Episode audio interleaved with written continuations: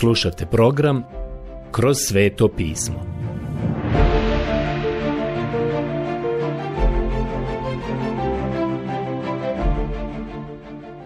Knjiga Izlazak Odlomak Izlazak Poglavlje 20 od 18. stiha do poglavlja 21 36. stiha Prijatelji, kao što znate, došli smo do 20. poglavlja knjige Izlaska i danas nastavljamo od 18. stiha. Zadnji put smo vidjeli davanje zakona, odnosno vidjeli smo onaj dio zakona koji nazivamo moralnim zakonom, moralnim kodeksom, deset zapovjedi. Bog nije završio jer u sljedećih nekoliko poglavlja, sve do 24. poglavlja, vidjet ćemo socijalno zakonodavstvo. Zatim imamo instrukcije za izgradnju šatora sastanka u knjizi Levitski zakonik imamo opisanu službu u šatoru sastanka. I sve to je dio zakona. Kako bih rekao, sve to ide u jednom paketu. Učinak Božje posjete Sada čitamo stihove 18 i 19. Kad vidje sam narod gromove, munje, glas trube i goru gdje se dimi, prepade se narod i zadrhta i ostade stojeći u daljini. Oni rekoše Mojsiju, govori ti s nama i slušat ćemo, a Bog neka ne govori s nama, inače pomrije smo. Knjiga izlaska 20, do 19. Prošli put smo rekli i skrenuli vam pažnju na to da davanje zakona nije bilo nešto lijepo i divno. Postoje ljudi koji misle da jeste, ali to su uglavnom ljudi koji o tome nisu puno čitali. Oni kažu, baš je divno to što je Bog dao zakon na gori Sinaj, ali u svetom pismu to nam nije predstavljeno na takav način. Prije smo vidjeli grmljavinu i munje i opasnost koja je postojala, a sada su se ljudi povukli koliko su mogli i rekli su Mojsiju, mi se bojimo i želimo da nam ti govoriš, a ne gospod. U 19. stihu smo pročitali. Oni rekoše Mojsiju, govori ti s nama i slušat ćemo, a Bog neka ne govori s nama, inače pomrije smo. Sinovi Izraelovi nisu mislili da je to lijepo. Čitamo sada 20. stih. Mojs je odvrati narodu. Ne bojte se, jer Bog dođe samo da vas stavi na kušnju i da strah pred njim zadrži u vama budan, da ne griješite. Knjiga izlaska 20.20. 20. Vidite, zakon je predstavio veoma visok standard. Zakon gospodnji je savršen i on zahtijeva i traži savršenstvo. Prijatelji, ako niste spremni dati savršenstvo, bolje bi vam bilo da se usklađujete sa nekom drugom vrstom standarda ili temelja, nego li da kažete da ste spašeni držanjem zakona. Jer ako niste savršeni, nećete postići spasenje. Zakon je savršen i on zahtijeva savršenstvo. Ja zahvaljujem Bogu što će milostivo primiti jadnog grešnika kakav sam ja. Milost otkriva dobrotu i čudesnu prirodu našega Boga. Dalje, Bog nastavlja govoriti u 21. stihu. I dok je narod ostao stojeći u daljini, pristupi Mojsije tamnim oblacima u kojima je bio Bog. I reče gospodin Mojsiju, zapovijedi sinovima Izraelovim ovo. Vidjeli ste da sam govorio s vama s neba. Ne činite sebi uzame srebrnih bogova. Ne pravite sebi zlatnih bogova. Knjiga izlaska 20, 21 do 23. Ovo sada je veoma značajna i važna stvar. Zašto se Bog upravo na ovaj način ukazao sinovima Izraelovim? Ja mislim da je razlog prilično očigledan, a to je jednostavno zato što im je želio usaditi spoznaju da je on živi bog, a ne idoli. Saznaćete kasnije da su oni bili idolopoklonici. Tamo dole, u egipatskoj zemlji, oni su obožavali stvorenja, a ne stvoritelja. I Bog se sada vjerovatno približio Izraelcima više nego što je ikada ranije to bio slučaj. To je veoma važno da ovdje vidimo. Instrukcije za izgradnju oltara. Dolazimo sada do spomena oltara. Bog im je dao zapovjedi, a uz zapovjedi dao im je i oltar, mjesto na kome su žrtvovali žrtve. To je ista stvar koju imate u svome kupatilu. Imate ogledalo, a ispod toga ogledala imate umivaonik.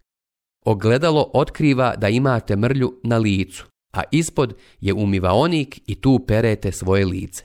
Dakle, postoji ogledalo, a to je Božji zakon koji otkriva Božji standard. Zakon je savršen, ali čovjek nije savršen. Zakon otkriva tu mrlju i hvala Bogu, dole je umivaonik i to je svrha oltara. Taj oltar govori o Kristovom križu i krvi koju je prolio.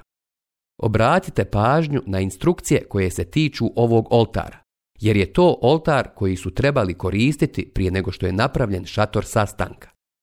Očigledno je da bi oni sagradili oltar gdje god bi putovali. Dakle, gdje god bi išli, napravili bi jedan takav oltar.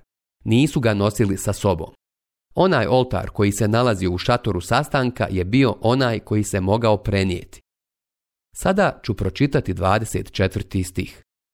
Načini mi žrtvenik od zemlje i prinesi na njemu svoje žrtve paljenice i žrtve mirotvorne, svoje ovce i svoja goveda. Na mjestu što ću ga svaki put odrediti za štovanje mojega imena, doći ću k tebi i blagoslovit ću te. Knjiga izlaska 20.24 Ovdje sada nema žrtve za grijeh. Zašto? Nećemo doći do toga sve dok ne počnemo obrađivati knjigu Levitski zakonik, jer nije moglo biti žrtve za grijeh ili žrtve za prestup sve dok nije bio dan zakon. Žrtva pomirnica otkriva da je čovjeku potrebna žrtva koja ga pomiruje sa Bogom, te da je Krist učinio mir svojom krvlju koja je bila prolivena na križu. Žrtva paljenica govori o tome ko je Bog, o njegovoj vrijednosti i njegovoj sposobnosti da spasi. Ovaj žrtvenik koji je trebao biti napravljen od zemlje bio je mjesto gdje su žrtvovali žrtve paljenice i žrtve pomirnice. Načini mi žrtvenik od zemlje i prinesi na njemu svoje žrtve paljenice i žrtve mirotvorne, svoje ovce i svoja goveda. Na mjestu što ću ga svaki put odrediti za štovanje mojega imena, doći ću k tebi i blagoslovit ću te. Dakle, očigledno su napravili oltar svuda gdje su išli tokom putovanja kroz pustinju, sve dok im nisu bile dane instrukcije za izgradnju šatora sastanka. Čitamo sada 25. stih. A ako mi hoćeš načiniti žrtvenik od kamenja, ne smiješ ga zidati od tesana kamenja. Jer ako ga obrađuješ svojim dlijetom, oskrnjuješ ga. Knjiga izlaska 20.25 Danas nam ovo zvuči veoma čudno. Drugim riječima, bilo bi onih koji bi rekli napravimo oltar od kamena, a onda bi neko drugi rekao, ja sam kamenorezac i mislim da bi lijepo bilo kada bismo mogli imati oltar atraktivnog izgleda, učiniti ga privlačnim i veoma lijepim. Ovdje je riječ o nečemu što je veoma delikatno i veoma važno. I ovdje se nalazi značajna i velika duhovna lekcija. Bog kaže da naprave oltar i da ga naprave od običnog kamena bez ikakve obrade kamena, jer čim se na kamenu upotrijebi alat, on će biti oskrnavljen. A Bog nije želio imati bilo šta sa takvim kamenom i oltarom. Prešli smo veliki put i došli smo do toga što veoma mnogo ljudi osjeća danas, a to je da u slavljenju i obožavanju mora postojati ljepota i ugođaj. Da sve bude što ljepše, muzika, prigušeno svjetlo, lijepe boje, i da se propovijed izgovara niskim i vrlo tihim tonovima, na prikladan način i da sve bude lijepo rečeno. Prošli smo kroz takvo razdoblje i imali smo takve stvari. Vrlo je interesantno da to nije bilo privlačno nespašenom svijetu. Liberalizam nam je ispraznio crkve. Liberalizam prije mnogo godina nije mogao niti želio da postoji i večernja služba u crkvama. Neko mi je rekao, Šta ti misliš, zašto su se liberali danas toliko uključili u društvena dešavanja? Odgovorio sam u ono što je meni sasvim očigledno, a to je da godinama nisu ništa radili i počeli su se osjećati zapostavljenima. Taj čovjek mi je rekao, zašto i ti ne počneš marširati i protestovati? Prijatelju, to nije moja stvar, imam previše posla. Ja sam dovoljno zauzet bez marširanja ili protesta. Nije moje da protestujem. Moje je da prenosim pozitivnu poruku i da ne protestujem u vezi bilo čega. Ja samo dijelim i dajem riječ Božju i mogu vam reći da to mnogima smeta, ali riječ je ta koja će učiniti svoje djelo. Moramo je govoriti i dijeliti baš onakvu kakva jeste. Ne bismo trebali danas pokušavati razvodnjavati poruku Božje riječi. Molim vas, nemojte me pogrešno shvatiti. Kao što sam rekao, ovo je veoma delikatna tema. Niko danas nije stavio veći naglasak na to da ima atraktivno mjesto za bogosluženje i slavljenje. Imao sam privilegiju preuređivati unutrašnjost crkvene zgrade tokom svoje službe. Morao sam proći kroz dugačak period ubjeđivanja, u kome sam morao poticati članove crkve prije nego što su oni to poželjeli učiniti. I sve to je bilo uz određenu cijenu. Ja sam za prijatna i prigušena svjetla. Volim lijepu muziku. Volim lijepe govore i propovijedi. Ali prijatelj, kada bilo koja od ovih stvari zamagli poruku križa i odvrati pažnju od onoga koji je umro na tom križu, onda to postaje vrijeđanje križa. Postaje prava uvreda. To je ono što Bog ne želi da se danas dogodi. Sjetit ćete se, kada je apostol Pavle otišao u Korint, Tamo su ljudi bili filozofski nastrojeni. Tamo je bilo dosta svećenika poganskih religija koji su se pokušavali poistovjetiti sa svim korinskim grijesima, a neki od njih su se prilično dobro poistovjetili. Bilo je mnogo hipi tipova u gradu Korintu, ali kada je apostol Pavle došao tamo i vidio situaciju, vidio je da su oni drugorazredni filozofi. Htjeli su raspravljati, htjeli su diskutovati, Htjeli su biti pametni, htjeli su ispasti moderni, htjeli su pripadati sadašnjoj, odnosno tadašnjoj generaciji. O, kako su se samo rasplinuli u raznim smjerovima. Apostol Pavle je imao slično iskustvo u Atini gdje su ljudi htjeli čuti nešto novo. Pavle je tamo rekao sljedeće. Jer nisam mislio da znam što među vama osim Isusa Krista i to raspetoga, Prva poslanica Korinčanima 2.2. Prijatelji, ako se to izostavi iz poruke, onda me nije briga koliko je visok crkveni zvonik. Nije me briga koliko je glasno crkveno zvono. Nije me briga koliko je crkvena zgrada lijepa. Nije me briga ma koliko je muzika lijepa i nježna. I nije me briga koliko je obrazovan propovjednik koji je za propovjedaonicom. Jer zbog onoga što je izostavljeno, to više nije crkva. Smijem li vam reći, to je sve samo, a ne crkva, jer je oskrnavljena što se Boga tiče. Ono što je važno jeste poruka Božije riječi. To je ono što bi trebalo i danas biti važno i izlaziti iz crkve. Pokušava se to dotjerati, prilagoditi i učiniti nešto sa tim. Veoma je važno da to uvidimo ovdje. Ovo su instrukcije za izgradnju oltara.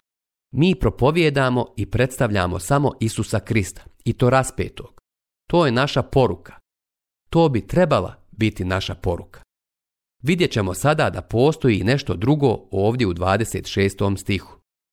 Ne uzlazi k mojemu žrtveniku uza stepenice, da se ne otkrije pred njim tvoja golotinja. Knjiga izlaska 20.26 ima jako puno onih koji bi izgradili neke lijepe i prikladne stepenice da idu do oltara. To bi bilo vrlo zgodno. I kada bi muškarac pristupio oltaru penjući se uz stepenice, otkrila bi se njegova golotinja, jer oni su u to vrijeme nosili neku vrstu haljine. Bog je rekao, ne želim to vidjeti. Ono što ima veze sa tijelom, Bog ne može koristiti. Dozvolite mi da ovo učinim vrlo ličnim i osobnim.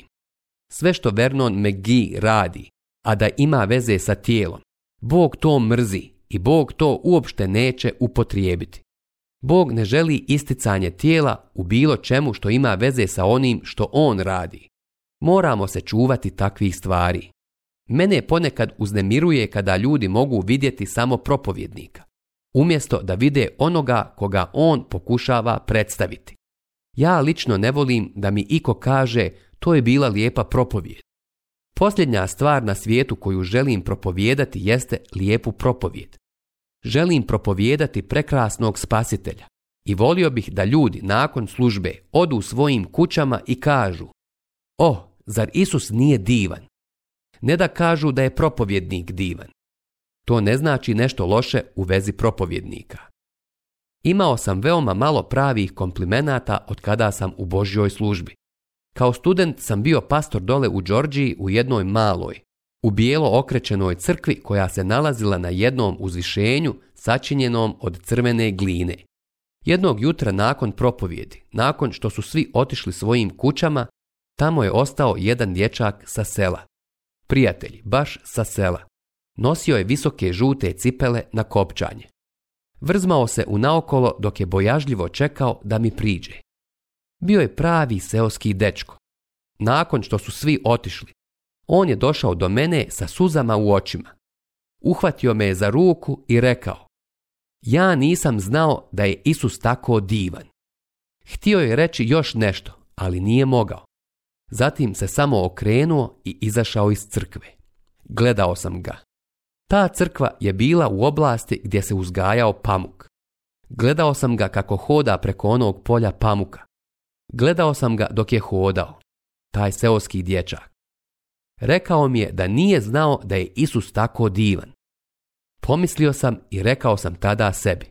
Bože, dozvoli mi da propovjedam tako da ljudi misle da je Isus divan. To je bio kompliment za mene. Usput da kažem, nisam imao mnogo takvih situacija i komplimenata. Tijelo ne treba da se vidi u službi, na propovjedaonici ili u crkvenom radu. 21. poglavlje Zakon o odnosu gospodara i sluga Sada dolazimo do 21. poglavlja i ovdje imamo socijalno zakonodavstvo. Prilično su zanimljive neke stvari o kojima se ovdje govori, a ja ću početi čitati od prvog stiha jer ovo ima veze sa gospodarima i slugama. To je bilo prilično važno pitanje u to vrijeme. Uostalo, Izraelci su bili robovi u Egiptu. Ovo su pravne odredbe što ćeš im ih predložiti. Ako kupiš hebrejskoga roba, neka te služi šest godina. U sedmoj godini mora se pustiti na slobodu bez otkupa. Knjiga izlaska 21, do 2.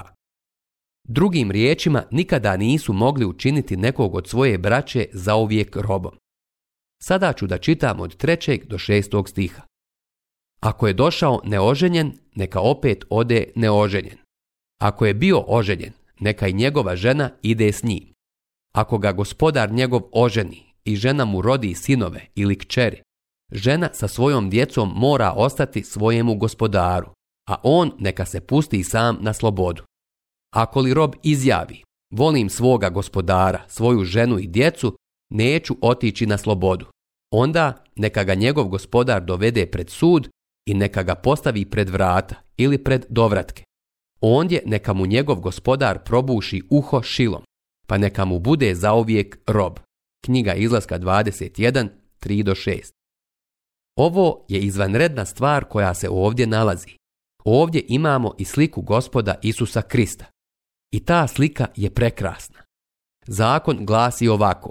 Ako je čovjek rob, on može postati slobodan nakon sedam godina. A ukoliko je bio oženjen kada je postao rob, i njegova žena može postati slobodna zajedno sa njim.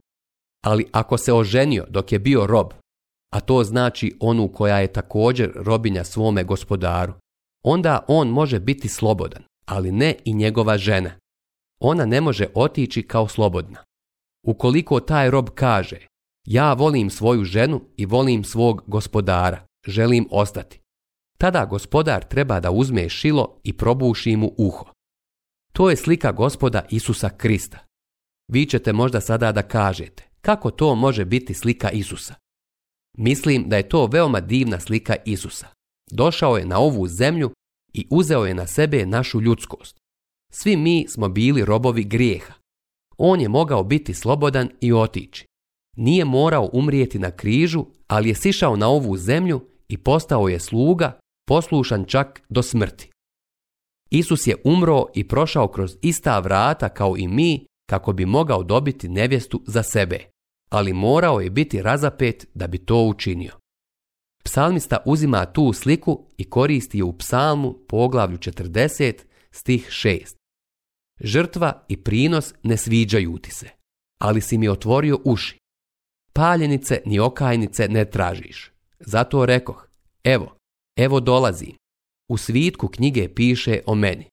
Tvoju volju činiti, Bože moj, meni je slast. Tvoj zakon nosim u svom srcu. Ovo se odnosi na Krista. Neko će sada možda da kaže, kako znaš da se to odnosi na Krista? Ukoliko biste otvorili deseto poglavlje poslanice Hebrejima, tamo vidimo da se to ispunilo kada je naš gospod došao na ovu zemlju. U poslanici Hebrejima u desetom poglavlju od petog do 9. stiha piše sljedeće. Zato, ulazeći u svijet, govori, sada govori o Kristu.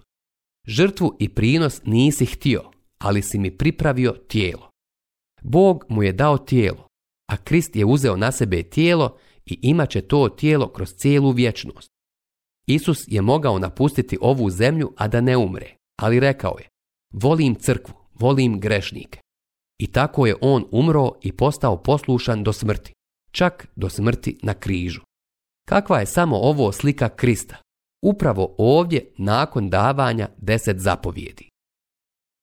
Zakoni o ličnim povredama Ovdje imamo niz zakona koji se odnose na povrede i povređivanje osoba. Mislim da je dobro ovo obraditi. Čitamo sada stih 12. Tko drugoga udari tako da umre, mora se kazniti smrću. Knjiga izlaska 21.12. Ovo je osnova za smrtnu kaznu. Mnogi ljudi danas, a posebno mladi ljudi, hranjeni su gomilom gluposti i propagandom i rečeno im je da zapovjed ne ubi, znači da ne možete postati vojnici. Mogu reći da gospod kaže da vlada ima savršeno pravo da kažnjava smrću. Tko drugoga udari tako da umre, mora se kazniti smrću. Izraelski narod je mogao ubiti bilo kojeg ubicu. Dobro je pogledati kontekst i cjelokupnu riječ Božju. Čitamo sada stih 13.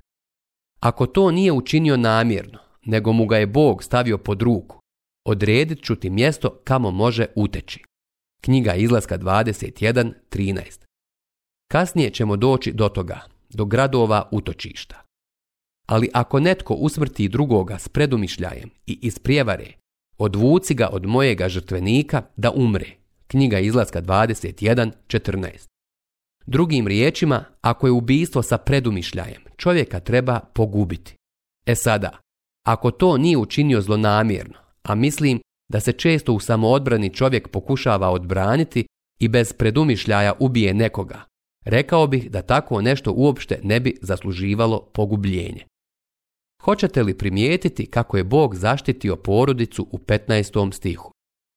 Tko udari svojega oca ili svoju majku, mora se kazniti smrću. Knjiga izlaska 21.15 Bog je sigurno čuvao dom i porodicu. Tko ugrabi čovjeka, pa ga je već prodao, ili je još u njegovoj ruci, mora se kazniti smrću. Knjiga izlaska 21.16 Bog uopšte nije odobravao robstvo. Bio je to tadašnji sistem i Bog se uvijek bavio tim stvarima, ali to ne znači da ih odobrava. Zapravo, sasvim je očigledno da je on to osudio. Tko proklinje svojega oca ili svoju majku, mora se kazniti smrću. Ako se ljudi posvađaju, pa jedan udari drugog kamenom ili zemljanom grudom, tako da ovaj do duše ne umre, ali padne u postelju, ako se pridigne i može van uz pomoć štapa, onda neka se onaj drugi koji ga je udario ne kazni. Samo mu mora nadoknaditi štetu i platiti troškove liječenja. Knjiga izlaska 21, 17 do 19. Zašto mu mora nadoknaditi? Vidite, ovdje se nalazi osnova zakona naše zemlje. Ja sada neću prolaziti kroz sve, ali bih vam preporučio da pročitate ovo, jer ovdje je osnova zakona i reda. I svaka nacija mora imati nešto izgrađeno na tome ukoliko žele imati civilizovanu naciju. Čitamo sada 24. i 25. stih. Oko za oko, zub za zub, ruku za ruku, nogu za nogu, opeklinu za opeklinu, ranu za ranu, masnicu za masnicu. Knjiga izlaska 21, 24 do 25. Prijatelji, drugim riječima postoji zakon reciprociteta. To je zakon koji se mora sprovoditi da bi postojao red i mir te zaštita ljudskih života i imovine. Hvala Bogu da ipak postoji onaj koji je spreman pružiti nam milost da bismo mogli biti spašeni.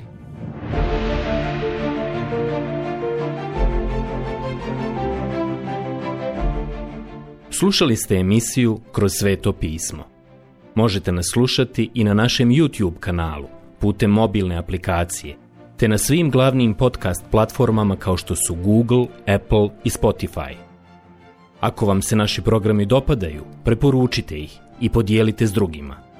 Budite slobodni da ostavite svoj komentar ili nam pišite na našu e-mail adresu kroz svetopismo.bih at gmail.com Zapratite našu stranicu kroz sveto pismo BiH na Facebooku i na Instagramu Emisije iz ove serije možete pronaći na našoj stranici ttb.twr.org.